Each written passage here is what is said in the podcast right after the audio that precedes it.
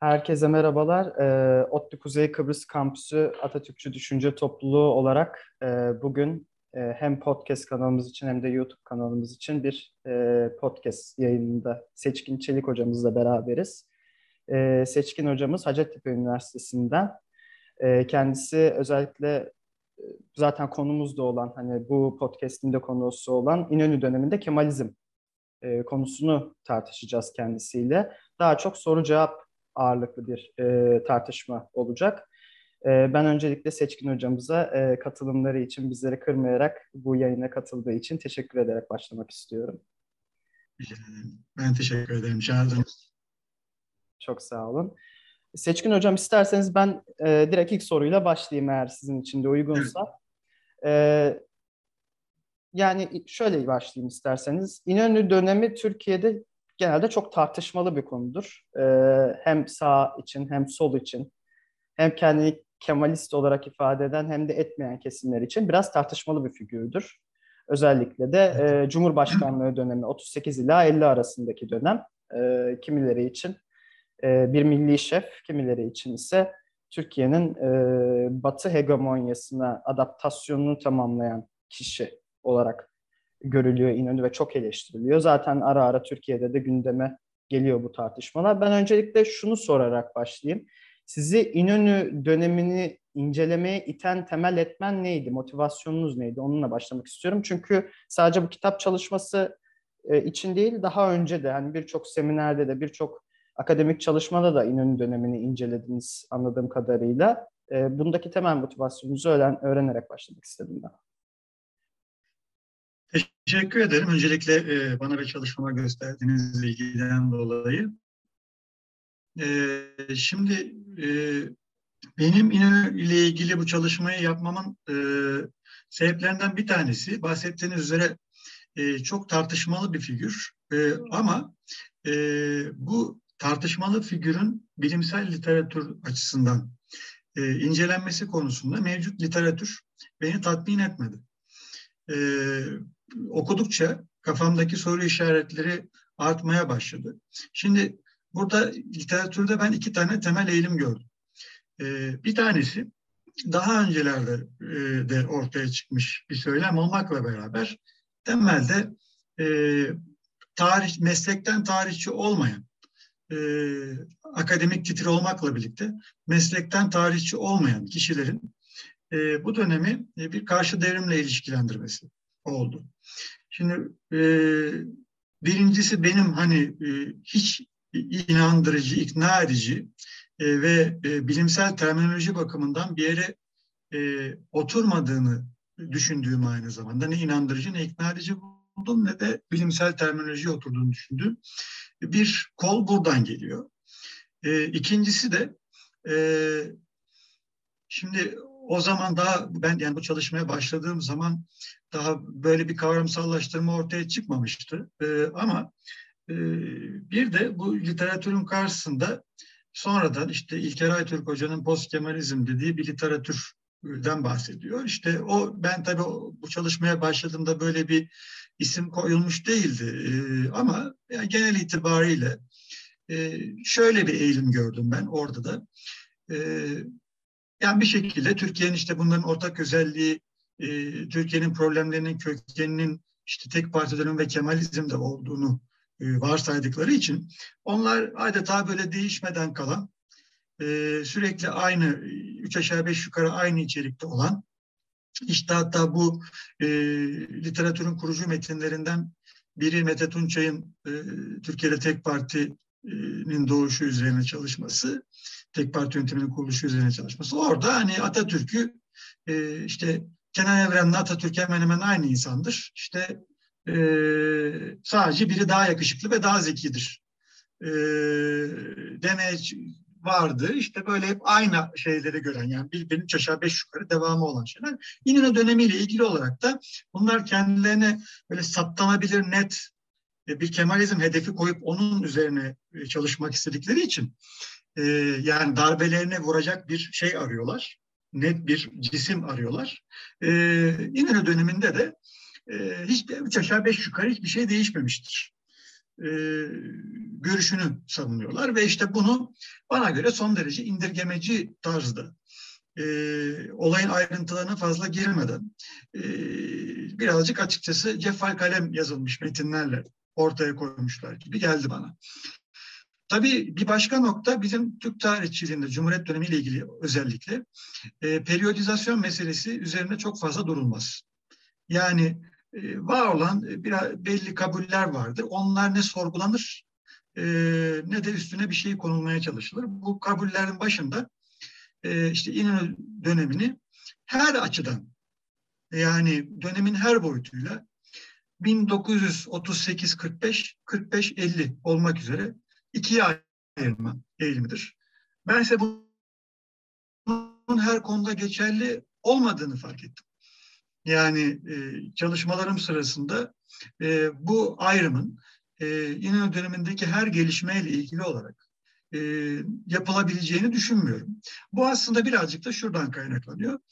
E, Türkiye Cumhuriyeti tarihini tek parti ve çok parti dönemi olmak üzere ikiye ayırmak ve bu dönemlerin kendi içerisinde adeta e, homojen özellik gösteren e, dönemler olduğunu varsaymaktan kaynaklanıyor. Halbuki bunların içerisinde bir periyodizasyon yapılması da gerekiyor. Yani çeşitli konularla ilgili iktisat meselesini mi ele alıyorsunuz, sanat meselesini mi ele alıyorsunuz, dış politikayı mı ele alıyorsunuz? Bunların hepsi demokrasiyle açıklanabilir kavramlar değil. Yahut da çok partili hayata geçmekle açıklanabilir kavramlar da değil. Ama bütün meseleleri aynı zamanda, mesela bu da post elimde görülen bir şey, bütün meseleleri salt bir demokrasi e, söylemi üzerinden açıklayabilme. E, yani o varsa işte işler iyi gidiyor yoksa gitmiyor. Yahut da onun varlığında her şey bir başka oluyor. E, bu kadar açıklayıcılık değeri olduğuna ben e, kani değilim. Yani tabii ki önemli bir olay. E, ama e, bu kadar açıklayıcılık değeri olduğuna kani değilim ve nitekim araştırmalarım sırasında böyle olmadığını fark ettim. Ben bunların dışında bir şey söylemek için yani yaptığım incelemeler sonucunda bunların dışında bir şey söylemek gerektiğine e, kanaat getirdiğim için böyle bir çalışmaya başladım. Ve olabildiğince de çalışmamı e, şu veya bu kişilerin yazdığı e, şeylere dayanarak değil de o dönemin ana kaynaklarına giderek yapmaya çalıştım. Bu bir. İkincisi de e, çalışmanın giriş kısmında belki sahadan olmayan okuyucular için biraz ağır gelebilir ama ayrıntılı bir teorik analiz kısmı var. Ben çalışmamı bu teorik analize dayandırmaya çalıştım. Yani dünyada ilk defa devrim Türkiye'de olmuyor. Ee, hani devrim nedir? Karşı devrim nedir? Restorasyon nedir? Revizyon nedir? Siyasi rejim nedir? Ee, bunların bir tanımını yapmak lazım. Ee, politika, politik değişiklikle ideolojik değişiklik birbirine indirgenebilir şeyler midir? Aralarında nasıl ilişki vardır? Ee, Kemalizm bir ideoloji midir? İdeolojisi, ideoloji ise nasıl bir ideolojidir? Ee, yani bunlara çok fazla tartışmadan açıkçası bana göre cefai kalem hükümler verilmiş. Ee, ben bunu da ayrıntılı bir şekilde tartışmaya çalıştım ki hani madem bir devrim literatüründen bahsediyoruz dünyada bizim bizden önce ortaya çıkmış devrimler ona ilişkin geliştirilmiş bir literatür ve kavram seti var. Diğerini oturtmak lazım. Ee, öyle hani aklımıza geldiği gibi adlandıramayız dönemleri. Kendi varsayımlarımıza göre, kendi kafamızdaki intibalara göre adlandıramayız. Benim temel sahikim buydu bu çalışmaya başlarken. Anlıyorum hocam. Ee, teşekkür ederim öncelikle verdiğiniz cevap için. Ben e, o zaman şu soruyla devam edeyim. Sizin e, çalışmalarınızda hani uzun süredir yaptığınız bir inceleme ve zaten konuşmanızın başında da bahsettiğiniz üzere çok akademik derinliğe inmeden yapılan e, hani hem işte o döneme övme babından da olabilir veya o döneme eleştiri getirme babından da yaklaşımlar var. E, bu yaklaşımlar, eleştiri yaklaşımı zaman zaman kendi içerisinde de ayrılıyor akımına göre, yapan çevreye göre. E, benim sorum şu olacak. İnönü dönemini incelerken gördüğünüz ve üzerine çok e, konuşulmadığını fark ettiğiniz bir ön, en önemli mesele ne sizce? Yani e, periyodik bakıştan bahsettiniz. Hani dönemine göre bakma noktasında bir sıkıntı olduğunu söylediniz toplumda. Genelde belirli kabullerin bulunduğu ve onun dışına çıkılmadığını söylediniz. Ee, sizce İnönü'nün artık e, Cumhurbaşkanlığı döneminde de olsun, hatta Atatürk döneminde de, Başbakanlığı döneminde de e, onun hakkında veya onun takip ettiği, değiştirdiği meseleler hakkında sizin için en dikkat çekici unsur neydi? Üzerine çok tartışılmadığını düşündüğünüz. Bunlardan bir tanesi laiklik mevzuydu. Hı hı. Ee, şimdi e, o dönemle ilgili olarak benim kitabımda e, Cemal Süreyya'nın e, bir şiiriyle başlatırım ben laiklik kısmını. Şimdi Cemal Süreyya sol dünya görüşüne sahip bir şairdi. İşte orada onar yıllık periyotlarla işte 1930'lar, 1940'lar, 50'ler, 60'lar, 70'ler hepsi için bir isim bulmuş. İşte 1930'lar için Eti Türkiye, 1930'lar için Ate Türkiye. E, pardon 1930'lar için Eti Türkiye, 1940'lar için Ate Türkiye demiş. Şimdi Ate yani ateist. Hı hı. Ee, şimdi sol görüşlü bir insanda bile e, böyle bir intibanın e, var olması e, beni çok e, açıkçası düşündürdü. Çünkü e, İnönü dönemiyle ilgili yapılan yorumlarda genellikle e, ideolojik bakış açısına göre iki şey vardır. E, tanımlama eğilimi vardır. Bunlardan birincisi e, Kemalist sol ya da e, sosyalist kişiler tarafından yapılan işte İnönü dönemini laiklikten işte kopa, kopulmaya başlandı. İşte bir sürü tavizin verildi. Bir dönem olarak adlandırmaya çalışırlar. Diğer tarafa bakıyorsunuz. Sağ tarafta gerek milliyetçi muhafazakarlar gerek İslamcılar. Onlarsa laikliğin iyice katılaştığı, iyice koyulaştırıldığı, işte bir sürü dinen zulümün uygulandığı falan gibi bir dönem e, olarak şey, adlandırmaya çalışırlar. Şimdi bir defa bu ikisi aynı anda doğru olamaz. Yani ya biri ya biri olacak ya da ikisi birden yanlış olacak. Ee, şimdi ben baktığım zaman bir defa e, bunun e, ideolojik bir okuma biçiminden kaynaklandı gördüm. Yani bu 180 derece farklı görüşlerin sebebi e, ideolojik bir okumadan kaynaklanıyor. E, ben şunu fark ettim. İnönü döneminde dönemini incelediğim zaman e, hakim eğilimin e, laiklik konusunda bir katılaşmadan ziyade süreklilik unsurları olmakla beraber e, ılımlaşma noktasında olduğunu, daha ılımlı bir çizgiye doğru çekilmekte olduğunu fark ettim. E, şimdi bir defa bunların içerisinde en önemli hususlardan bir tanesi e, 1939'da yani Atatürk'ün ölümünün akabinde e, Atatürk zamanında lise için hazırlanmış tarih ders kitapları var. E, burada e, tarih bir kitabı e, dört ciltten oluşur. Birinci cildi ki insanlığın ortaya çıkışıyla e, başlar. E, işte insanlık dediğimiz kavramın işte ortaya çıkışı, homo sapiens'in belirmesi. Bunu e, evrim kuramına dayalı olarak Atatürk dönemindeki e, şeyler açıklıyor. E, kitaplar açıklıyor. Fakat e, hemen 1939'da ve sadece birinci cildi üzerinde. Henüz şeylerin üzerinde bir değişiklik yok. Sonraki ciltler daha yazılmış değil. Fakat adeta e, bunu bekliyormuş gibi hemen yapılması gereken bir iş, e, bir rahatsızlığın göstergesi e, gibi bu kitapta evrim teorisine yer verilmiyor. E, başlangıç kısmında. Kitabın yazarı da Şemsettin Günaltay. Yani Cumhuriyet Halk Partili olmakla birlikte e, ikinci meşrutiyet döneminin İslamcı modernist kesiminden olan bir kişi. E, bir defa bu, bu anlatılan hikayeye pek uygun düşmüyor.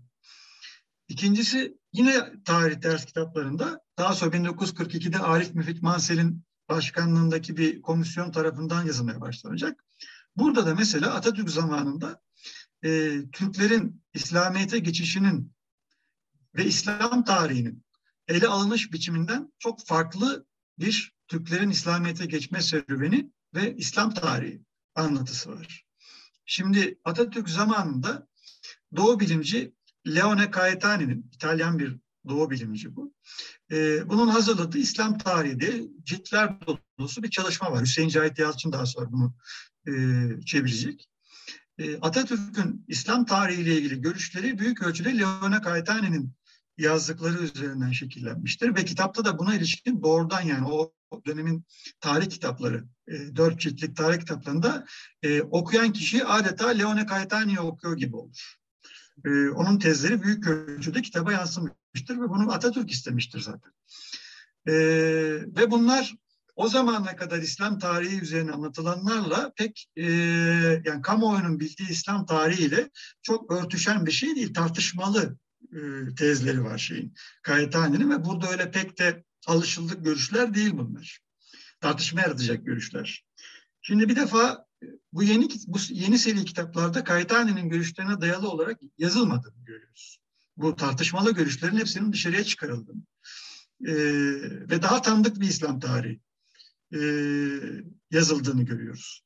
İkincisi Türklerin İslamiyet'e geçişi noktasında e, Atatürk döneminde yazılan kitaplarda e, işte Türk-Arap savaşlarından bahsediliyor. İşte Kuteybe ile yapılan savaşlardan bahsediliyor.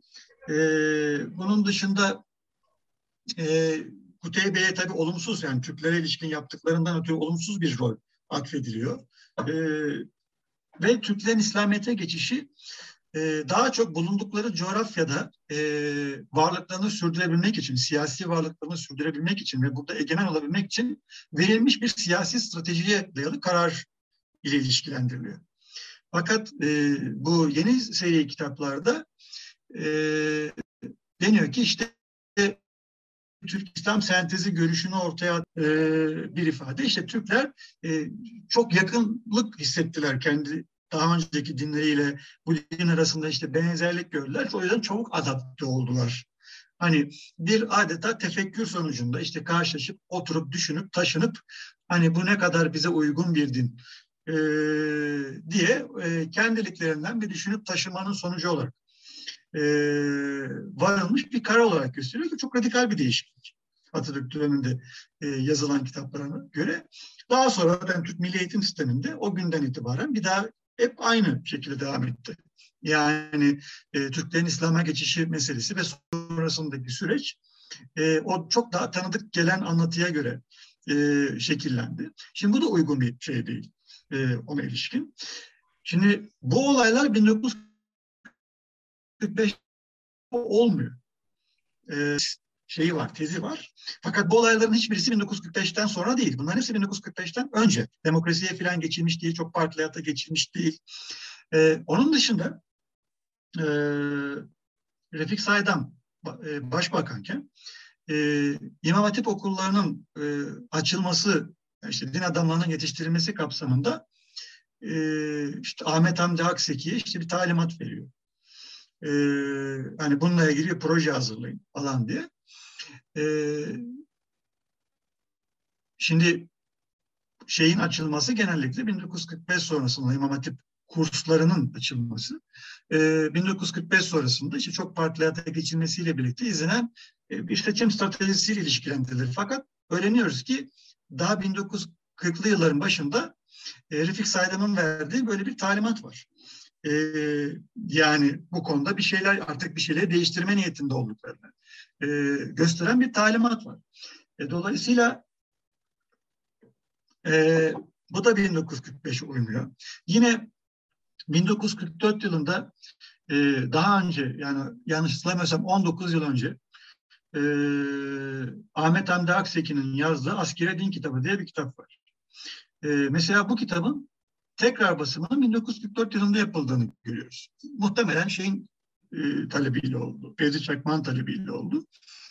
E, e şimdi bütün bu göstergeler e, 1945'ten önce e, işte laikliği ılımlılaştırma, e, birazcık daha nasıl diyeyim o devrim radikalizminden uzaklaşma eğilimlerinin başladığını gösteriyor. Yani böyle birdenbire 1945 sonrasında ortaya çıkan bir ılımlılaşma mevzu söz konusu değil. E, bu şey e, 1945 sonrasındaki anlatıya ilişkin olarak da ben orada da şeye çok katılmıyorum. Çünkü e, şimdi genellikle bu laiklikten uzaklaşmayla ilişkilendirilen şeyler nedir diye baktığınız zaman Birincisi İmam Hatip okulları diye bir şeyden bahsediliyor. Fakat o dönemde İmam Hatip okulları diye bir şey açılmıyor. E, o dönemde açılan şeyin adı İmam Hatip kursu. E, ve bunların ilk başta 7 aylık olması düşünülüyor. E, sonra diyorlar ki bu 7 ay çok az, 2 e, yıl olsun. Yani e, şöyle düşünelim, e, işte diyelim bir kişi lise diploması aldı. Ondan sonra adeta bir yüksek meslek okulu süresi e, zarfında e, işte iki yıllık bir eğitimden geçecek. Ondan sonra işte İmam Hatip olarak e, göreve başlayacak. Bunun için öngörülmüş bir şey. Ama bu, bu bir kurs. Yani bu bir okul sistemi değil ve sayıca da çok az. İmam Hatip okullarının açılması Demokrat Parti döneminde. İmam Hatip kursu İmam Hatip okulundan farklı bir şey. Süre bakımından da farklı. Ee, ikincisi İlahiyat Fakültesi'nin açılmasından bahsediliyor.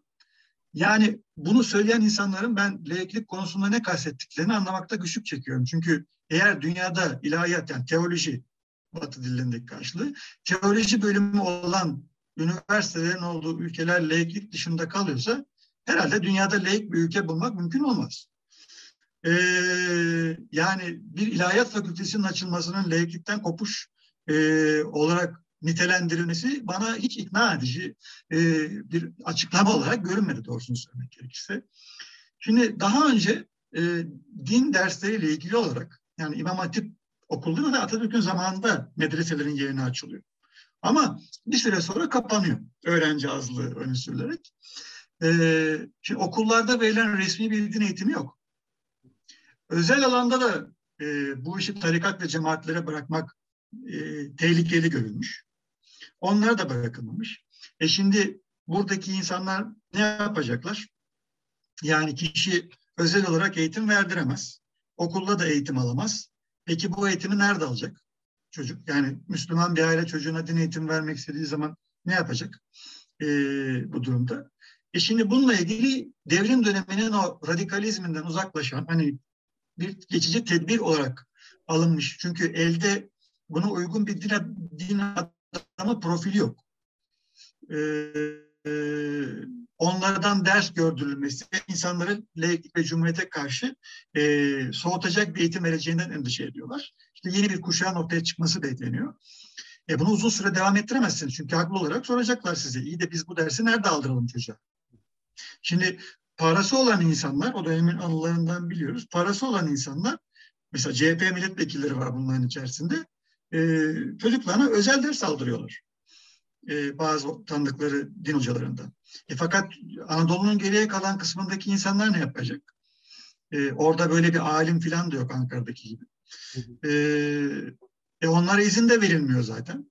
E, e, dolayısıyla bunu sürdüremezsiniz. Bir şekilde buna bir çözüm bulmanız gerekiyor. E, bunu yapmış olması şey anlamına gelmez. Laiklikten ayrılmak anlamına gelmez e, yani insanların din dersi alabiliyor olması laikliğin ortadan kalktığı anlamına gelmez. Şimdi bir diğer tarafın söylediği de yani işte İnönü dönemi işte dinsizlik dönemidir, şudur budur falan bunların hepsi uydurmasyon şeyler. Yani e, onların söyledikleri de işte ezanın işte Türkçe okunması ile ilgili işte ceza şeyi kabul edilir. E zaten uygulanan şeyle ilgili ceza kanunu kabul edilir. Zaten başka türlü uygulanamıyordu ki. Ee, öyle bir şey yok yani.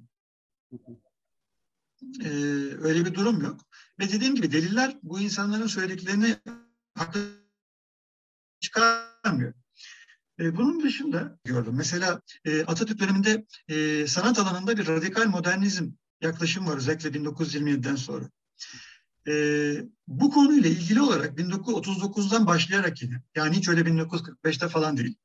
E, bu aşırı uluslararası usluba dayalı modernist yaklaşıma yönelik Türk sanatkarların içerisinden gelen bir milliyetçi reaksiyon var.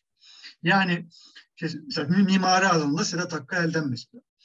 Ee, bunlar daha böyle e, uluslararası usluba dayalı değil de tekrar yerli usluba, ulusal usluba dayalı bir sanat geliştirmeye çalışıyorlar ve e, daha önce işte bu uluslararası uslubun inşası sırasında getirilen yabancı e,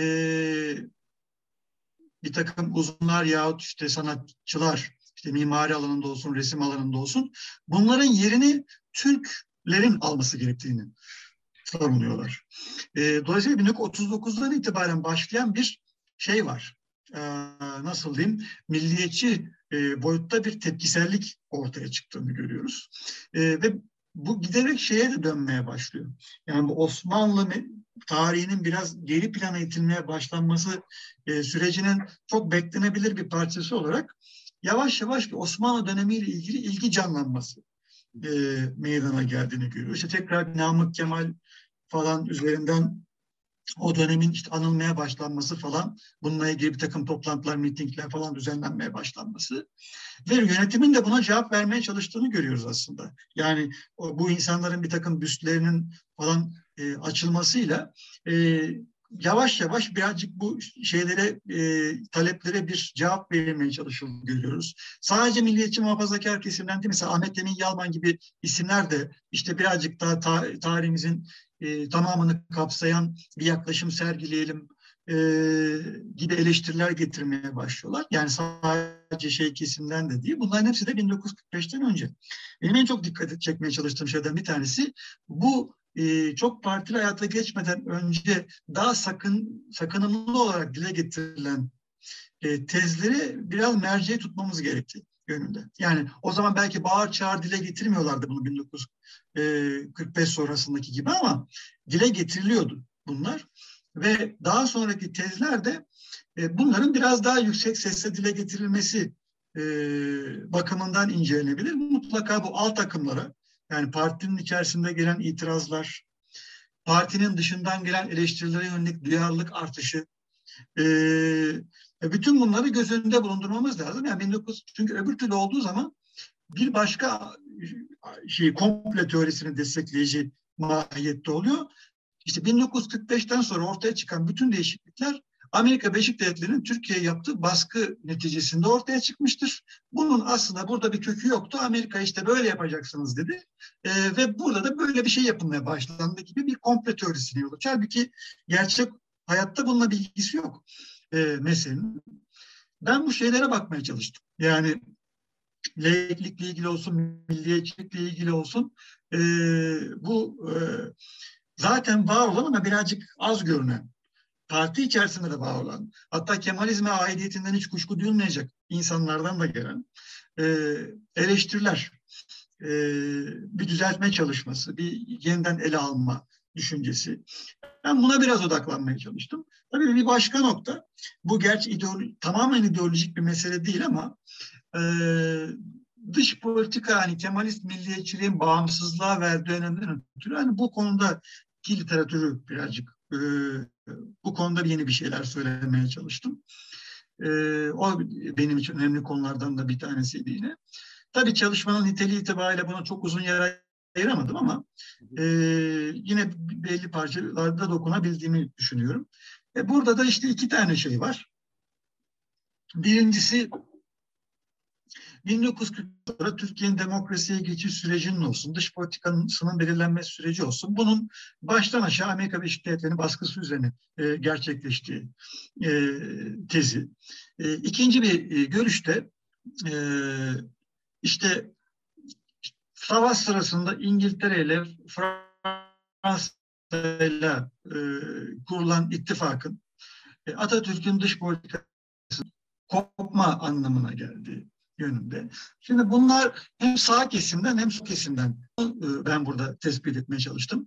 Şimdi bu 19 sol kesimden özellikle gelen şey 1945'ten e, sonra e, Sovyetlerin bizim bizim üzerimizde işte böyle boğazlar üzerinde talebi olmamasına, işte ne bileyim bizden toprak talebi olmamasına rağmen bir komployla, işte Selim Sarper'in başında olduğu bir komployla e, olmayan bir iddianın dillendirilip Türkiye'nin işte Batı dünyasına, Amerika'ya yakınlaştırılmaya çalışılması tezi.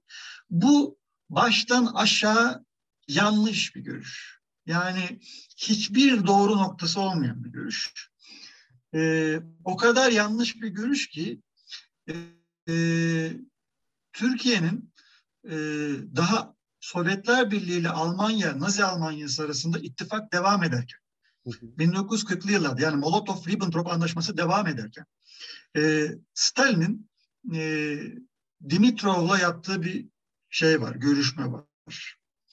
E, ve bu görüşmede Stalin Türkler için Anadolu'da zaten kaç milyon Türk yaşıyor? İşte bunlar e, bunların buradaki varlığına ne lüzum var? Bunları e, işte Asya'ya göndermek lazım e, falan diyen. E, yani adeta e, Bulgar isyanı sırasında Osmanlı İmparatorluğu'nda işte Avrupa'da anti-Türk kamuoyunun oluşmasına vesile olan e, Gladstone'un e, Gürcü e, komünist versiyonu e, gibi konuşan bir adam görüyoruz burada. Ve e, Almanya ile Boğazlar ve İstanbul üzerine pazarlıkları olduğu da kesindir. Ve bunların bir süre sonra Türkiye tarafından haber alınıyor bu mevzu. Açığa çıkıyor. Naziler söylüyorlar zaten bunu. Ve bu doğru. E şimdi Türkiye bundan nasıl endişelenmesin? Yani bunu uyduruk işte bize mesela bazı kavramlar da çok e, altı boş kullanılıyor. Mesela işte Rusofobi diyorlar bunlar. Şimdi fobi e, irrasyonel bir duygudur. Yani bir insanın yükseklik fobisi varsa e, ben mesela yüksekten aşağı bakmaya korkarım ama siz korkmazsınız. Bunun sebebi yüksekliğin size ayrı bana ayrı muamele yapıyor olması değildir. İrrasyonel bir sebepten kaynaklanan bir korkudur bu. Rus fobisinden bahsetmek için Türk yöneticilerin irrasyonel bir Rus korkusu olduğunu e, söylemek gerekir. Bu tarih bakımından temelsiz bir laftır. Çünkü gayet somut sebeplerle Türk yöneticiler Rusya'nın niyetlerinden şüphelenmektedir. Gayet açıktır bu. Kaldı ki siz Türkiye Cumhuriyeti kurulmadan evvel 200 yıl boyunca Ruslarla savaşmışsınız. Hala hazırda kendi soydaşlarınız Rusların işgali altında olan bir bölgede yaşıyorlar. Yani şeyler e, işte bu şu anda Asya'daki Türkiye Cumhuriyetler dediğimiz topluluklar kendi rızalarıyla biz size katılmak istiyoruz diyerek e, Sovyet İmparatorluğu'nun bir parçası olmadılar. E, buralar orası da askeri olarak güç kullanılarak ele geçirilmiş yerler bunlar. E, onlar orada zaten 19. yüzyıldan beri Rus işgali altındaki bölgeler. E seninle zaten 200 yıl savaşmışlar. Üstüne bir de Nazilerden Nazilerle anlaşma yaptıklarına dair Boğaz'la ilişkin haberler geliyor. Stalin politikasından herhalde anlıyor bu insanlar. Onun, bu çok boş bir görüş dolayısıyla. Temelsiz, saçma sapan bir görüş bana göre. Ee, ikincisi de demokrasiyi Amerika'nın telkinleriyle geçildi. İşte bundan sonra her şeyin Amerika'nın istediği yönde yapıldı. Bu da temelsiz bir görüş. Çünkü Amerikalıların yayınladıkları belgelerde Türkiye'ye yönelik baskı yapıldığını yönelik hiçbir iz yok. Tam aksine Recep Peker gibi otoriter bir e, kişinin başbakanı seçilmesinden sonra Amerikan elçisinin onunla yaptığı görüşmenin raporları var elimizde ve hiç de öyle e, Türkiye'de bir anda mütekamil bir demokrasinin Recep, e, Recep Peker'e. İşte öyle bu adam demokrat değil, bu adamın getirilmesi Türkiye'nin demokrasi açısından olumsuz sonuçlar doğurur falan gibi bir yaklaşım yok. Gayet samimi buluyor Recep Peker'i. Otoriter kişiliğine ilişkinde hiçbir kötü adıkta bulunmuyor. E, zaten Amerika Birleşik Devletleri'nin o dönem Türkiye ile yakınlaşmasının başlıca sebebi Türkiye'nin e, mütekamil bir demokrasi olup olmaması değil. Stratejik sebeplerden ötürü böyle bir yakınlaşma gerçekleşiyor. Aynı şey Yunanistan için de geçerli. E, ama e, Türkiye'nin attığı adımlar yani demokrasi konusunda attığı adımlar Amerika Birleşik Devletleri yöneticilerinin kendi iç kamuoylarına yönelik e, ellerini daha rahatlatan bir şey olmuştur. Ki buna rağmen yani Türkiye çok partilerde geçmiş olmasına rağmen şey vardır. E, Amerikan e, senatosunda e, Türkiye'nin demokrasi olmadığına yönelik eleştiriler var olmaya devam ediyor. Benim en çok şey yaptığım e, yine doğru düzgün ele alınmadığını düşündüğüm noktalardan bir tanesi de buydu. Anlıyorum hocam. Teşekkür ederim. Ee, aslında bu cevapla biraz e, benim sorularımın da bir kısmını aynı anda cevaplamış oldunuz. Çünkü genelde İnönü dönemi tartışılırken e, hem bu dışa eklemlenme sorusu çok sorulur. E, Amerikan etkisi bunda ne kadar? Bir de çok partili düzene geçişte Amerika'nın rolü neydi sorulur. Yine Rusya ile olan gerginlik sorulur. E, bu açıdan da bence gayet de doyurucu bir cevaptı e, benim açımdan. E, hocam benim diğer sorumla devam edeyim konuya. Diğer sorum aslında şu şekilde olacak. Altı ilke ve Kemalizm konulu bir soru soracağım.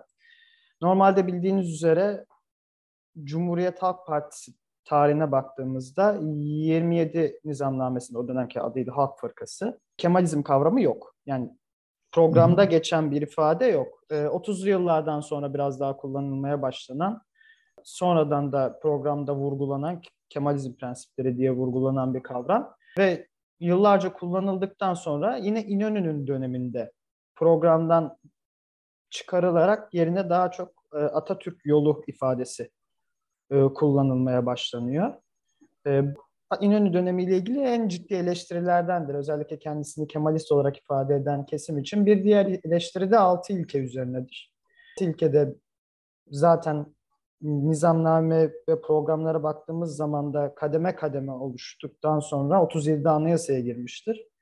Daha sonra da yine e, İnönü'nün 50'li yıllarda beyanatları vardı. Biz e, altı ilkeyi anayasadan çıkarılmasını düşünüyoruz diyor. Nitekim 27 Mayıs'tan sonra yapılan 61 Anayasası'nda da 6 ilke ilk bölümde artık yer almamaya başladı. Benim sorum şu olacak. E, tabii kişileri ve e, kişilerin izledikleri siyaseti dönemine, bağlamına göre incelemek çok önemli. E, ama bir yandan da yıllarca kullanılan Kemalizm kavramının yine İnönü döneminde çıkarılması, yine altı ilke anayasaya ki 37'deki o anayasaya girme önergesinde İnönü'nün de imzası var. Yine anayasadan çekilmesi konusunda bu e, bunu şey olarak değerlendirebilir miyiz? Yani devrimin ilk yıllarında yapılan daha radikal e, hareketin biraz daha ılımlılaşması olarak mı değerlendirebiliriz yoksa sizin daha farklı bir bakış açınız ve yorumunuz var mı bu konuya ilişkin? Evet şimdi şöyle Öncelikle Kemalizm kavramı e, ortaya ilk çıktığı günden beri, şimdi mesela bunu e, 1930'larda biliyorsunuz e, kadrocular teorize etmek istediler. E, doktrin haline getirmek istediler. Fakat bunu bizzat şey yapan kişi Atatürk. Zaten Atatürk yani Kemalizm kavramı e, konusundaki en büyük tartışmalardan bir tanesi şudur. Atatürk'ün bizzat kendisine bu kavramdan hemen hemen hiç bahsetmemiz e, devrimin ideolojisinden bahseder Atatürk. E, davamızın ideolojisinden bahseder ama bizzat Kemalizm kelimesini pek kullanmaz. E, şimdi bu e, ben bununla ilgili de bir açıklama getirdim çalışmamda.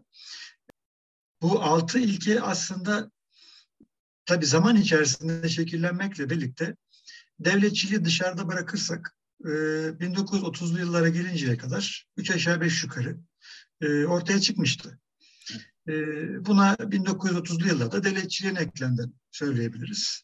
E, o da zaten dünya konjektürüyle bağlantılı bir hadiseydi. Yani 1929 ekonomik buhranının e, dünyada e, ekonomik dirijizm dediğimiz güdümlü ekonomi e, akımını güçlendirmesi, Sovyetler Birliği gibi ülkelerin planlı ekonomiyle e, dünyadaki ekonomik krizle başa çıkabilme becerisini göstermeleri e, ile ilgili bir şeydi bu.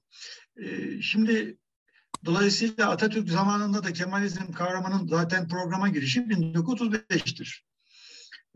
Ben Atatürk'ün Kemalizmine programda işte Atatürk yolu, Kemalizm yolu gibi ifadelerden bahsedilmesine çok radikal bir itiraz getireceğini, çok bundan rahatsızlık duyacağını düşünmüyorum. Çünkü bu kavramın zaten kullanıma girmesi şununla ilgili bir şeydi. E, Atatürk'ün kuşağı e, bunun ne zaman yetiştiğine bakmak lazım. Bunlar Birinci Dünya Savaşı öncesi Atatürk'ün kuşağından neyi kastediyoruz? Ya Atatürk'ün doğumunu işte resmi kabul edilen şeyle 1881 olarak alsak. İşte bundan 5 yıl önce, 5 yıl sonra, işte 10 yıl önce, 10 yıl sonra e, doğmuş insanlar gibi ele alabiliriz. Ne zaman insandır bunlar? Avrupa'da La Belle Époque dediğimiz e, dönemin e, döneme denk gelmiş insanlar. Bunlar işte orada teknik alanında çok ciddi gelişmeler var, sanat alanında çok ciddi gelişmeler var, e, bilim alanında çok ciddi gelişmeler var. Savaşsız bir dönem Avrupa için. İşte en son Almanya e, Fransa Savaşı'nın bitmesinden sonra 1914'e kadar Avrupa için savaşsız bir dönem. E, yani sömürgelerden bahsetmiyorum ama Avrupa için savaşsız bir dönem. Onların La Belle Époque yani güzel çağ, güzel devir e, diye adlandırdıkları bir dönem. Şimdi bu dönemi görmüş insanlar bunlar ve bu dönemin başat ideolojisi liberalizm. Yani Avrupa'daki e, çerçeveyi çizen ideoloji liberalizm. E, şimdi bu insanlar işte vatan, hürriyet, milliyet, laiklik gibi bu akımın beraberinde getirdiği kavramlar ve heyecanla büyümüş insanlar. Bunların bütün yaptıkları politik eylemlerin arkasında hürriyet, vatan, milliyetçilik falan gibi kavramlar var. Yahut işte o zaman tabii açıkça dillendirmemekle birlikte işlerinde ciddi manada laiklik eğilimi olan insanlar var. Bunlardan birisi de Mustafa Kemal zaten. Ee, şimdi bu insanlar nereye bakıyorlar? Bu insanlar batıya bakıyorlar. İşte oradaki gelişmelere bakıyorlar. Ee, fakat Birinci Dünya Savaşı'ndan sonra o e, dünya cenneti illüzyonu yani artık savaşlar olmayacak. İşte insanoğlu hep ileriye gidecek. Bu illüzyon e, ortadan kalkmaya başlamış durumda. Çünkü Birinci Dünya Savaşı'nın olmasını beklemiyorlardı. Yani bir anda o hayalin kabusa dönüşmesi e, hadisesi var. Şimdi defa Batı politik sistemi bir kriz yaşadı. Birinci Dünya Savaşı'ndan sonra. Yani liberalizmin krizi başladı şeyde Avrupa'da. Buna bir de 1929 yılında ekonomik kriz eklendi liberalizmin. Dolayısıyla Atatürk'ün kuşağının Avrupa'nın Avrupa'nın o ilerlemesini, gelişimini temsil eden ideoloji olarak gördükleri ideoloji Avrupa'da şeyini kaybetti. İtibarını kaybetti. Ve bunun karşısına neler çıkmaya başladı? Faşizm, Nazizm ve e, komünizm çıkmaya başladı. Ve bu ideolojiler hem ulus aşırı etkide bulunmaya başladılar. Yani çok çeşitli ülkelerde etki göstermeye başladılar. Hem de bunlar belli bir takım devletlerle özdeşleşmiş ideolojiler. Yani e, faşizm dediğiniz zaman İtalya akla geliyor. Nazizm dediğiniz zaman Almanya akla geliyor. Komünizm dediğiniz zaman Sovyet Rusya akla geliyor. Atatürk'ün işte uygulamalar sonucunda işte kendilerine göre okudukları, işte Türkiye'nin gerçekleri, içinde bulunduğu şartlar çerçevesinde kabul ettikleri prensiplerin ilk defa 1930'lu yıllarda bir ideolojiyle adlandırılması. Yani o zamana kadar da cumhuriyetçi bu insanlar, o zamana kadar da milliyetçi, o zamana kadar da halkçı, halkçılık programı tabii 1920'de kabul etmiş. Ee, niye bunun adı Kemalizm değildi de 1930'lu yıllarda buna bir isim koyma ihtiyacı hissettiler. İşte tam olarak bu dünyadaki bu gelişmeden ötürü. Yani belli ideolojiler belli bir takım ülkelerle özdeşleşmiş durumdalar ve Türkiye'yi yönetenler bu ideolojilerin e, kendi nüfusları üzerinde etki kurmasını engellemek istiyorlar. Çünkü bu ideolojiler aynı zamanda ev sahibi devlet. Yani o ideolojiyle özdeşleşmiş devletle devletin de sizin nüfus, nüfusunuz üzerinde etki alanı oluşturması anlamına geliyor. Yani Tarık Zafer Hoca'nın deyişiyle bir ideolojik bağımsızlık e, çabasının sonucu olarak Kemalizm diye bir isim bulma ihtiyacı hissediyorlar. Ve Atatürk de buna e, bu kavramı çok kullanmamakla birlikte onay veriyor. Yani bu ihtiyacı takdir ediyor ve e, buna onay veriyor. Ama kendisi mesela Yakup Kadri diyor ki işte niye bunun doktrini yapmıyoruz paşam deyince e, yapmayız tabii çünkü donarız evladım diyor. Öyle yaparsın. Şimdi dünya görüşü itibariyle Atatürk doktrinci bir kafa yapısına sahip değil. E, dolayısıyla şeyi de görmüş. Yani gözünün önünde bir kuşağı etkileyen ideolojinin Avrupa'da e, çöküşünü de görmüş. Ama Atatürk kalıcı olmak isteyen bir insan. Yani kendi e, ben idealinde Atatürk'ün kalıcı olmak isteyen bir insan görüyoruz. Yani işte bütün bunlar gerçekleştiğinde beni hatırlayınız diye işte şeye mutlaka bir ifade koymak istemesi falan filan.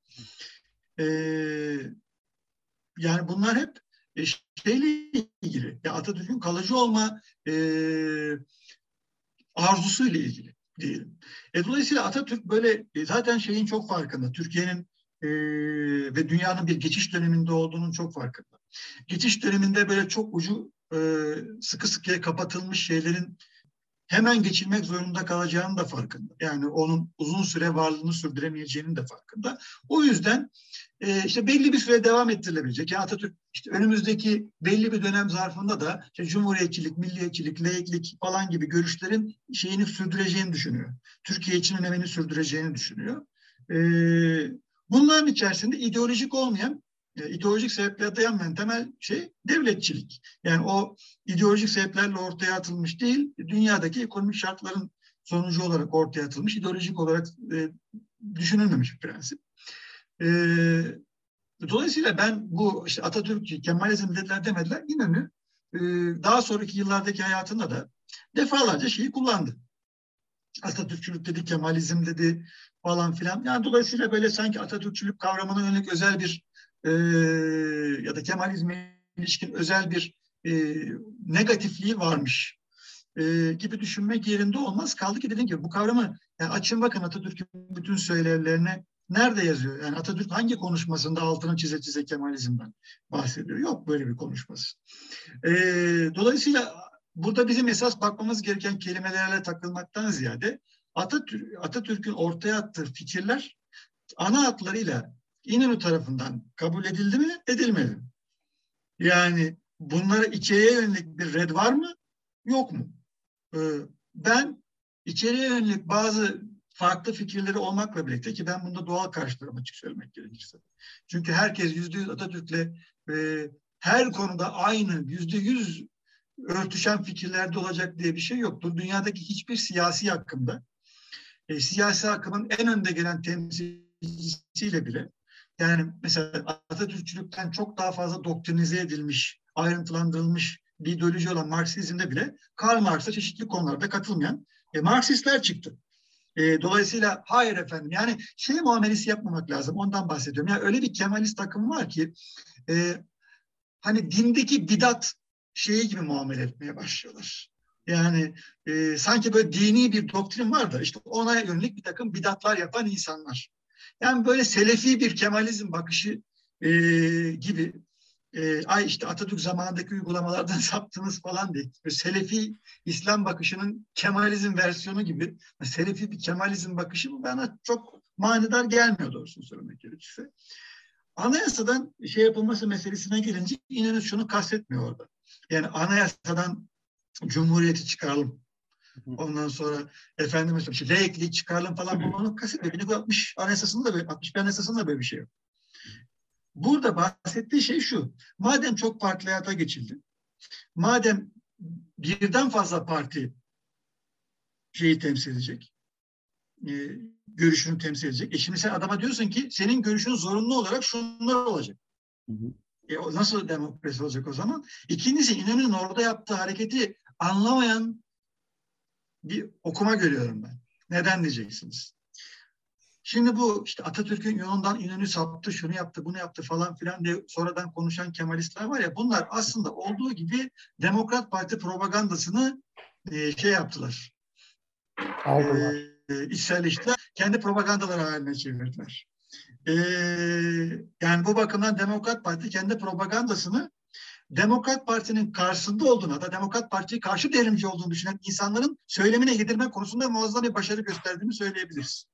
Şimdi e, İnönü'nün işte Atatürk'ün işte paralardan resmini çıkardı, şunu yaptı, yok Kazım Karabekir affetti bilmem ne falan filan bir sürü şey yaptılar. O dönemde işte Atatürk'ten ayrıldığına dair falan. İnönü şunu yapmaya çalıştı orada. Şimdi anayasaya göre Demokrat Parti'nin kendi siyasi programına altı ilkeyi koyması gerekiyor.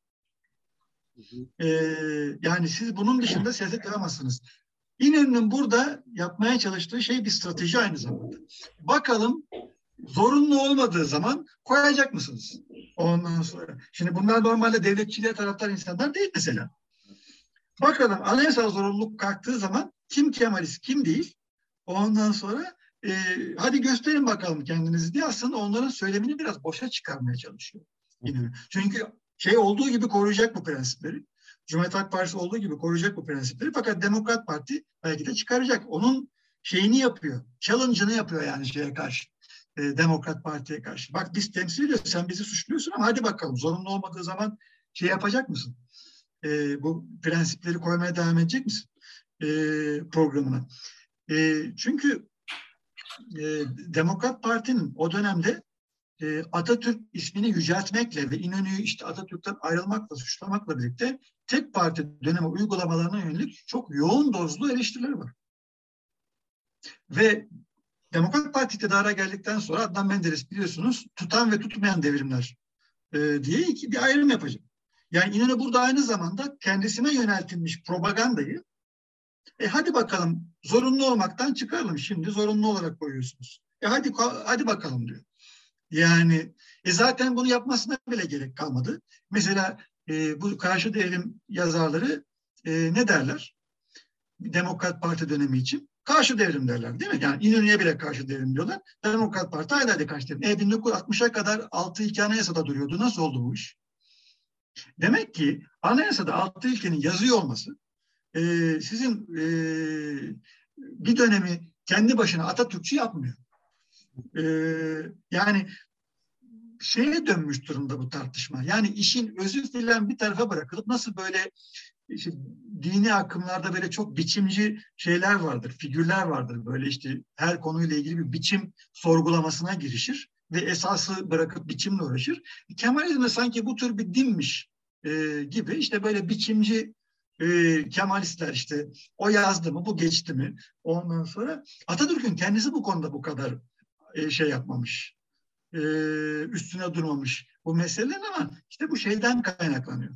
Yani Atatürk çok önemli ve meşruiyet dayanağı olduğu için e, ekarte etmek istediğiniz siyasi rakibinizi tırnak içinde sırat-ı müstakimden ayrılmakla suçluyorsunuz. Yani ve diyorsunuz ki en gerçek Kemalist benim, sen değilsin. Ondan sonra sen sırat-ı müstakimden ayrıldın. Ee, bak işte bu da sebepleri. Ondan sonra bununla ilgili çok mücadele var. Bu yani bu siyasi kavganın tarihin ta kendisi olarak anlatılması. Yani siyasi kavganın biz dışına çıkmalıyız. Kimin hangi görüşü neye getir, dile getirdiğini tespit etmeliyiz. Ama bunlar bir siyasi görüşün siyasi propaganda argümanlarını tarihi gerçek e, gibi sunuyorlar. Ee, mesela benim işte birinci sorunuzla bağlantılı olarak söylersem benim mesela en çok dikkatimi çeken konulardan bir tanesi buydu İnönü literatürüne ilişkin. Yani e, İnönü ile Demokrat Parti'nin girdiği siyasi mücadele sonucunda ortaya attığı tezleri alıp şey yapıyorlar. Mesela en çok konuştukları konulardan biri mesela siz sormadınız ama ben söyleyeyim. Ee, işte Kazım Karabekir işte niye şey yaptı? e, niye anlaştı falan diye. Şimdi Kazım Karabekir'in meclis başkanı olması karşı devrilmiş. E, şimdi ben aynı zamanda siyaset bilimi mezunuyum. Yani lisansım siyaset biliminden. E, ama e, bu konuyla ilgili bir çalışma yürüten bir insanın siyaset bilimi alanından olmasa bile e, herhalde bir devrim literatürüne bakması gerekir. Ne demektir bunlar? E, yani Ka Kazım Karabekir'in meclis başkanı olmasıyla Nasıl karşı devrim gerçekleştiğini doğrusu ben siyaset bilimi literatürü açısından bir izahatını bulamıyorum. Ee, ve bu olayın gerçekleşme sebebine baktığımız zaman yani Kazım Karabekir niye bir anda ön plana çıkarıldı 1946'da? E sebebi şu çünkü Demokrat Partililer Fevzi Çakma İnönü'nün karşısına karşı ağırlık olarak koymaya çalışınca İnönü de bir başka milli mücadele kahramanını yanına ekleyerek e, bir karşı atak yaptı burada. Ve topu topu bir buçuk sene e, kadar bir süre e, yaptı sonra da vefat etti zaten. E şimdi Niyazi Berkes Hoca'nın e, ki İnönü'ye benim çok normal karşıladım. Çünkü işinden oldu. E, ülkesinden gitmek durumunda kaldı. E, çok normal karşıladığım sebeplerle e, kişisel bir e, kızgınlığı ve hatta husumeti vardır. E, fakat o bile işte o dönem muhalif isimlerden biri olarak e, şeyi ziyarete gidiyor. Fevzi Çakmak ziyarete gidiyor. Fevzi Çakmak da e, İnönü'ye olan kızgınlığından ötürü çünkü emekliliğe geldiği zaman ona bir istisna tanıyıp şey yapmamış. Süresini uzatmamış. Bu kızgınlıktan ötürü İnönü'ye muhalif kim varsa görüşüyor onunla. Yani sosyalist midir, başka bir görüşten midir hiç bakmıyor. Niyazi Berkes de bunlardan bir tanesi. Onu ziyarete gidiyor. Ve Niyazi Berkes anılarında yazar bunu. Yani İnönü'ye muazzam bir e, şey yaptı, hücumda bulundu anılarında. E, bile bunu yazar yani şey olarak. Der ki e, Fevzi Çakmak Paşa şey demiş Niyazi Berkes'e. İşte o altı oku alıp falan filan yapacağım onlara. Şimdi orasını söylemeyelim. O altı oku alıp falan filan yapacağım onlara diye bir şey yapıyor. Niyazi belki de şaşırıyor. Diyor ki şimdi altı okla mezunun ne alakası var? Yani sen İnönü'ye kızmışsın. Niye altı oku şey yapıyorsun? E, ya diyor ben gördükten sonra Ferit Çakmak yine diyor şey iyiymiş dedim diyor. Ondan sonra İnönü, ya o kadar kızgın olmasına rağmen şey İnönü'ye karşı karşısındaki kişi altı oku böyle şey yapıyor. Nitelendiriyor. E şimdi Ferit Çakmak değişmez Genelkurmay Başkanı'ydı Atatürk. Şimdi bu durumda bu çıkarıma göre Atatürk'ün karşı derimci olması gerekiyor. Yani madem Kazım Karabekir bir buçuk sene meclis başkanı olunca karşı derim oluyormuş. E, e, şey ondan daha da muhafazakar bir insan. E, Ferit Çakmak daha da muhafazakar bir insan. E, altı okula ilgili bu ifadeyi kullanan adam kaç sene genelkurmay başkanı yapıldığına göre o zaman Atatürk de demek ki karşı derimci. Yani böyle e, ne bilimle, ne mantıkla, ne akılla hiçbir şeyle izah edilemeyecek e, kuru propaganda malzemesinden. Şimdi o dönem mesela Demokrat Parti'nin propaganda metinleri var. Hep şeyi vurguluyorlar. İşte Kazım Karabekirli şey yaptı.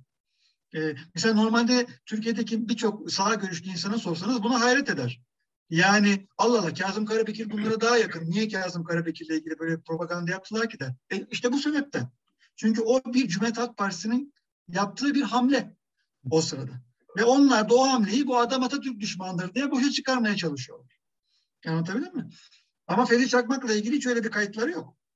Yani e, e, şeyle iş yapıyorlar. E, Ali Fuat Paşa ile o da terakki perverciydi. Ondan sonra e, hiç onlardan bahis yok mesela. Rauf Orbay'dan işte at şey yapıyorlar işte İsmet İnönü şey yaptı falan filan. E kardeşim sizin şeyin e, sizin geldiğiniz geleneğe daha uygun Rauf Orbay'ın görüşleri. Yani e, o bir şey ve bunu aldılar. Yani düşünebiliyor musunuz? Demokrat Parti'yi karşı devrimci olarak adlandıran insanlar bu argümanları aldılar. E, Kemalist propagandanın bir partisi haline getirdi. Olacak bir şey değil yani gerçekten. E, Nadir Nadir mesela e, kitabında işte karşı devrimin şeylerini şey yapıyor, tavizlerin şeyin filan sıralamasını yapıyor. Bir tanesini de bu veriyor. E, Nadir Nadir'in kendisi Demokrat Parti'ye geçti. Yani e, ilk önce demokrasiye geçilmesine karşı çıkıyor. Şimdi bu diyor Amerikalılar yüzünden oldu diyor. Ondan sonra Amerikalılar yüzünden oldu diyen kişi işte Recep Peker'le görüşüp onunla beraber yakınmalarından bahsediyor. Şey, şeye geçilmesinden, çok partilerde geçilmesinden. Ondan sonra bu görüşleri savunan kişi gidiyor Demokrat Parti'ye katılıyor. E sen demokrasiye bile karşısın. Senin Demokrat Parti'de ne işin var o zaman? Yani sen onun bile Amerika'dan ithal malı demokrasi olduğunu düşünüyorsun. Senin Demokrat Parti'de ne işin var ki? Yani sen o zaman hiç olmazsa hani yani dolayısıyla şunu demeye çalışıyorum. Ee, bu şey meselesi yani karşı devrimle ilişkin argüman geliştirme meselesi. Bunlar hep işte böyle işte Kazım Karabekir şey oldu işte Rauf Orbay ile barıştı. Şimdi burada ben kitabımda yazdım. Çok enteresan bir şey var. 1933 senesinde e, yani Cumhuriyet'in 10. yılı bir umumi af çıkarılacak falan. E, Atatürk bu daha önceki siyasi rakipleri işte bu terakki pervercilerle falan barışma süreci var. Buna şey karşı çıkıyor. İsmet Paşa karşı çıkıyor. E, 1930 senesinde. Nitekim bu projenin başlangıcı olarak e, Atatürk e, nispeten yine kendisine daha yakın kişilerle yani bu siyasi rakipliğin e, dozajının daha düşük olduğunu e, düş olduğu kanaatinde olduğu kişilerle zaten tekrar siyaset yapmaya başlıyor. Yani mesela Ali Fuat Paşa ile barışıyorlar. E, Refet Paşa meclise giriyor yine. E, burada şey olmayan yani en böyle e, daha aralarının gerilimli olduğu e, şey e, Rauf Orbay ile Kazım Karabekir. Ama onlarla da mesela işte tarih kongresinde filan Kazım Karabekir ile görüşmesi gündeme geliyor falan. Yani bunlarla bir şekilde bir temas kurup e, tekrar yani bir ilişkileri rehabilite etme sürecini Atatürk zaten kendisi başlatmıştı. E, dolayısıyla İsmet Paşa'nın e, bunu yapmış olması e, tek başına bir şey ifade etmez. E, ikincisi daha şey bir şey söyleyeyim. Ben İsmet Paşa'nın bu işi başlatma sürecinde şöyle bir şey de psikolojik faktör de görüyorum. Şimdi o zamana kadar Atatürk'le bir şekilde görüş ayrılığına düşen insanlar arasında birçok e, siyaseten tasfiyeye uğrayan kişi var. Yani işte Karabekir, Orbay, Refet Beled, Cebesoy falan. Bir tek kişi Atatürk'le farklı görüşler dile getirmesine rağmen siyasetten tasfiye edilmiyor. Tabii onlar kadar değil belki ama e, İnönü'yle de çeşitli anlaşmazlıkları var. Fakat İnönü hep bir şekilde e, daha sonra konuşup barışıp devam ediyorlar. Şey. Fakat bir ilk defa bu şeyde böyle olmuyor. E, 1937'de böyle sonuçlanmıyor. Ve İnönü anılarında da yazar. Şok olduğunu söyler buna. Yani şey olacağını zannediyorum der. Yani daha önce olduğu gibi e, yani konuşup tekrar kaldığımız yerden devam edeceğiz zannediyordum ben der. Fakat bu sefer Atatürk böyle yapmaz. Bana göre bu İnönü'nün üzerinde bir e, travma oluşturmuştur bu olay.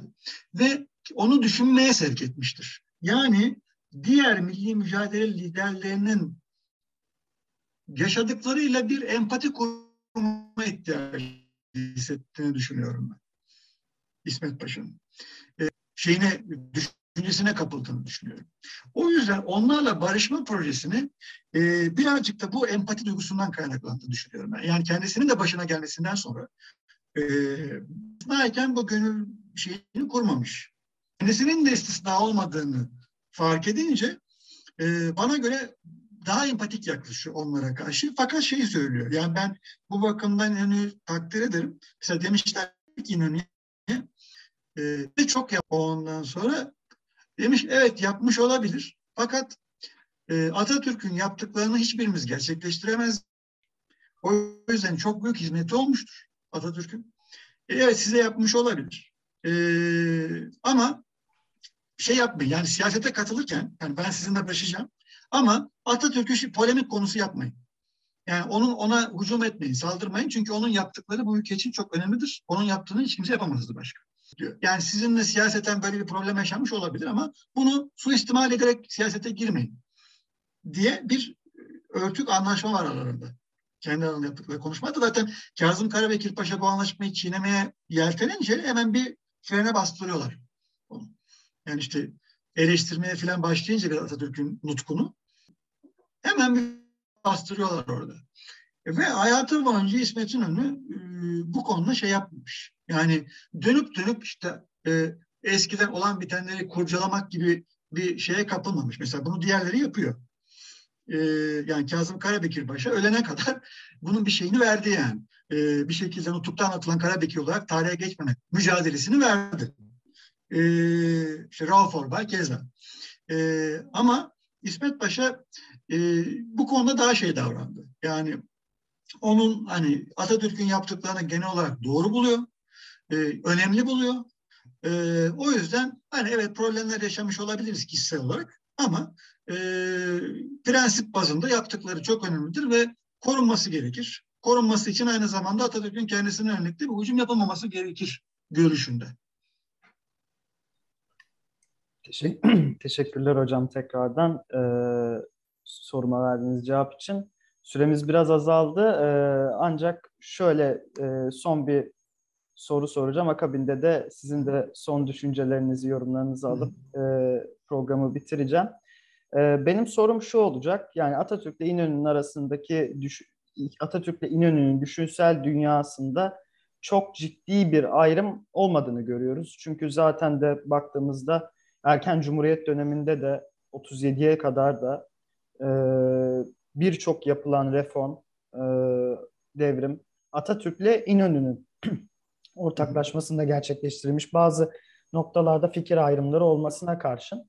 E, benim sorum şu olacak. E, sizin kanaatinizce, tabii konjonktürü de dikkate alarak, Atatürk dönemindeki anlayışla yani Atatürk'ün bakışıyla meselelere İnönü'nün bakışı arasında hani gördüğünüz temel bir fark var mı? Genelde İnönü için bir ifade vardı. Daha korumacı bir yaklaşımı var. Hani daha kontrollü hareket etmeye çalışan biraz e, artık e, zor bir dönemin jenerasyonun e, bir üyesi. Tabii Atatürk de öyle ama İnönü'nün biraz daha korumacı, daha kontrollü bir şey yapmaya çalıştı. Atatürk'ün büyük bir değişim için daha hızlı, daha radikal, daha devrimci şekilde hareket ettiği söylenir. Yani bu konudaki görüşünüzü çok merak ediyorum. Sonra da sizin de son yorumlarınızı alayım. E, tamamlayacağız programı. Birkaç fark var bence. E, birinci temel nokta Atatürk e, devrimci bir politikacı. E, buna mukabil İnönü değil. E, yani İnönü daha evrimci, daha reformist e, bir yaklaşıma sahip. E, bunu bütün yaşama boyunca da gösteriyor zaten. E, yani fikir bazında aralarında e, çok ciddi yakınlık olmakla birlikte e, İnönü'nün devrimci bir politikacı olduğunu söylemek pek mümkün değil. Fakat şöyle bir şey de var. Kurumsallaşma devrim e, hani aşk dünyasından bir şey kuracak olursak devrim aşk gibidir. E, ama e, evrim yani reform da sevgi gibidir. Evlilik daha çok sevgi üzerine oturur. Aşk bir süre sonra gider. Şimdi e, İnönü birazcık bu işin kurumsallaşma kısmını temsil ediyor. Yani kurumsallaşma birazcık muhafazakarlık gerektirir. Ee, İnönü daha kurumsallaşmacı bir insan. O Atatürk daha ziyade devrimin yaratıcı dehası. Ee, İnönü kurumsallaştırıcısı e, durumunda. Ama aralarında böyle bir temel siyaset yaklaşım farkı var. E, fakat Atatürk hayattayken İnönü Atatürk'e bu konuda e, zorluk çıkarmamış. Zaten bu yüzden beraber olabiliyorlar. E, ikincisi Atatürk batılılaşma yanlısı olmakla birlikte bununla e, çok ciddi bir e, Türk milliyetçiliği konusunda oldukça koyu bir yaklaşımı da zaman zaman e, iç içe geçirmeye çalışan bir insan. Mesela Türk tarih dizinde bunu biliyoruz. E, İnönü'nün e, Atatürk'e nazaran, yani burada çok abartılı bir sonuç çıkarılmasını da istemem buradan. Atatürk'e nazaran daha e, şeye yakın olduğunu düşünüyorum ben. E, tanzimat batıcılığı eğilimine daha yakın olduğunu düşünüyorum. E, Atatürk bunun içine daha ciddi miktarda bir milliyetçilik enjekte etmiş gözüküyor. E, İnönü milliyetçi bir lider olmakla birlikte e, Atatürk dozajında değil. E, ya o, onun bakışı birazcık daha o tanzimat batıcılığının daha yakın ki Fahir Rıfkı Atay için ileri tanzimatçıydı der. Bence çok şey bir tanım. Yani üstüne tanım bulmak zor. E, güzel bir tanım. Bence o, noktada biraz farklılık var aralarında. E, üçüncüsü devletçilik meselesi. E, Atatürk e, özel girişimi e, özel girişimle kalkınılabileceğini düşünmüyor. Yani devletçinin lazım olduğunu düşünüyor. Fakat Atatürk için bu bir politik tedbir o döneme yönelik. Özel girişimin bu politik uygulanırken korkutulmaması gerektiğini düşünüyor. Ee, İnönü'nün tavırları ise daha bürokratik bir devletçilik yaklaşımına e, dönük ve özel teşebbüsü devlet üzerine zenginleşmeye çalışan e, biraz negatif bir boyutla algılayan bir kişi. O yüzden İsmet İnönü'nün e, politik çizgisinin özel kesimini birazcık daha tedirgin ettiği kanaatindeyim. E, ve Cumhuriyet Halk Partisi'ni yabancılaştırdığı kanaatindeyim. E, bunun iyi bulan vardır, kötü bilen vardır onu bilemem ama onun politik çizgisinin, onun devletçilik yorumunun e, özel kesimi CHP'yi yabancılaştırdığı kanaatindeyim. Daha bürokratik bir devletçilik yorum var. E, ve İnönü hayatı boyunca da bürokratik karakterli insanlarla çalışmayı da tercih etmiş bir insan. Yani e, mesela işte İsmail Rüştü Aksal olsun, Kemal Satır olsun, Ferit Melen olsun bunlar bürokratik karakterli adamlar. Ee, diğer insanlara yaklaşım birazcık daha mesafeli. Ben Atatürk'te de burada biraz daha farklı bir kişilik görüyorum. Ee, aralarında bence çok temel farklılıklar bu nokta e, şey yapıyor. E, süre azaldığı için ben e, son olarak e, şunu söyleyeyim. E, şimdi bu işte karşı devrim şu bu falan şimdi bizim insanımızın birazcık şu yönden kendini bir sorgulaması lazım diye düşünüyorum. Yani bu e, işte daha önce karşı devrimin 1945'ten başlayan versiyonu yazıldı. Şimdi hazır bunun 45'i yazıldı şimdi 45'ini bir daha yazmayalım diye bir de 1923'ten başlatanı yeni çıktı. Ondan sonra ben bu gidişle genç Osman'a kadar gideceğini düşünüyorum e, geriye çekme tarihinin. E, yani yüz defa okunmuş, bilmem 50 yıl önce yazılmış kitapları bir de ben okuyup size anlatayım. E, bir de benden dinleyin e, diye anlatan kitaplardan ziyade gerçekten bu konuda yazılmış e, yenilikçi, bilimsel çalışmalara birazcık daha ağırlık verirse insanlar e, daha sağlıklı bir tarih kanaatine sahip olacaklarını e, düşünüyorum. Çünkü biz e, titir bakımından belki önünde profesör yazan ama özellikle tarih dışı alandan gelen insanların insanlara yaygınlaştırdığı bir takım kanaatleri açıkçası temizlemekle uğraşıyoruz. e, yanlış kanaatleri temizlemekle uğraşıyoruz. Belki biz de e, daha lüzumlu işlere vakit ayırabiliriz.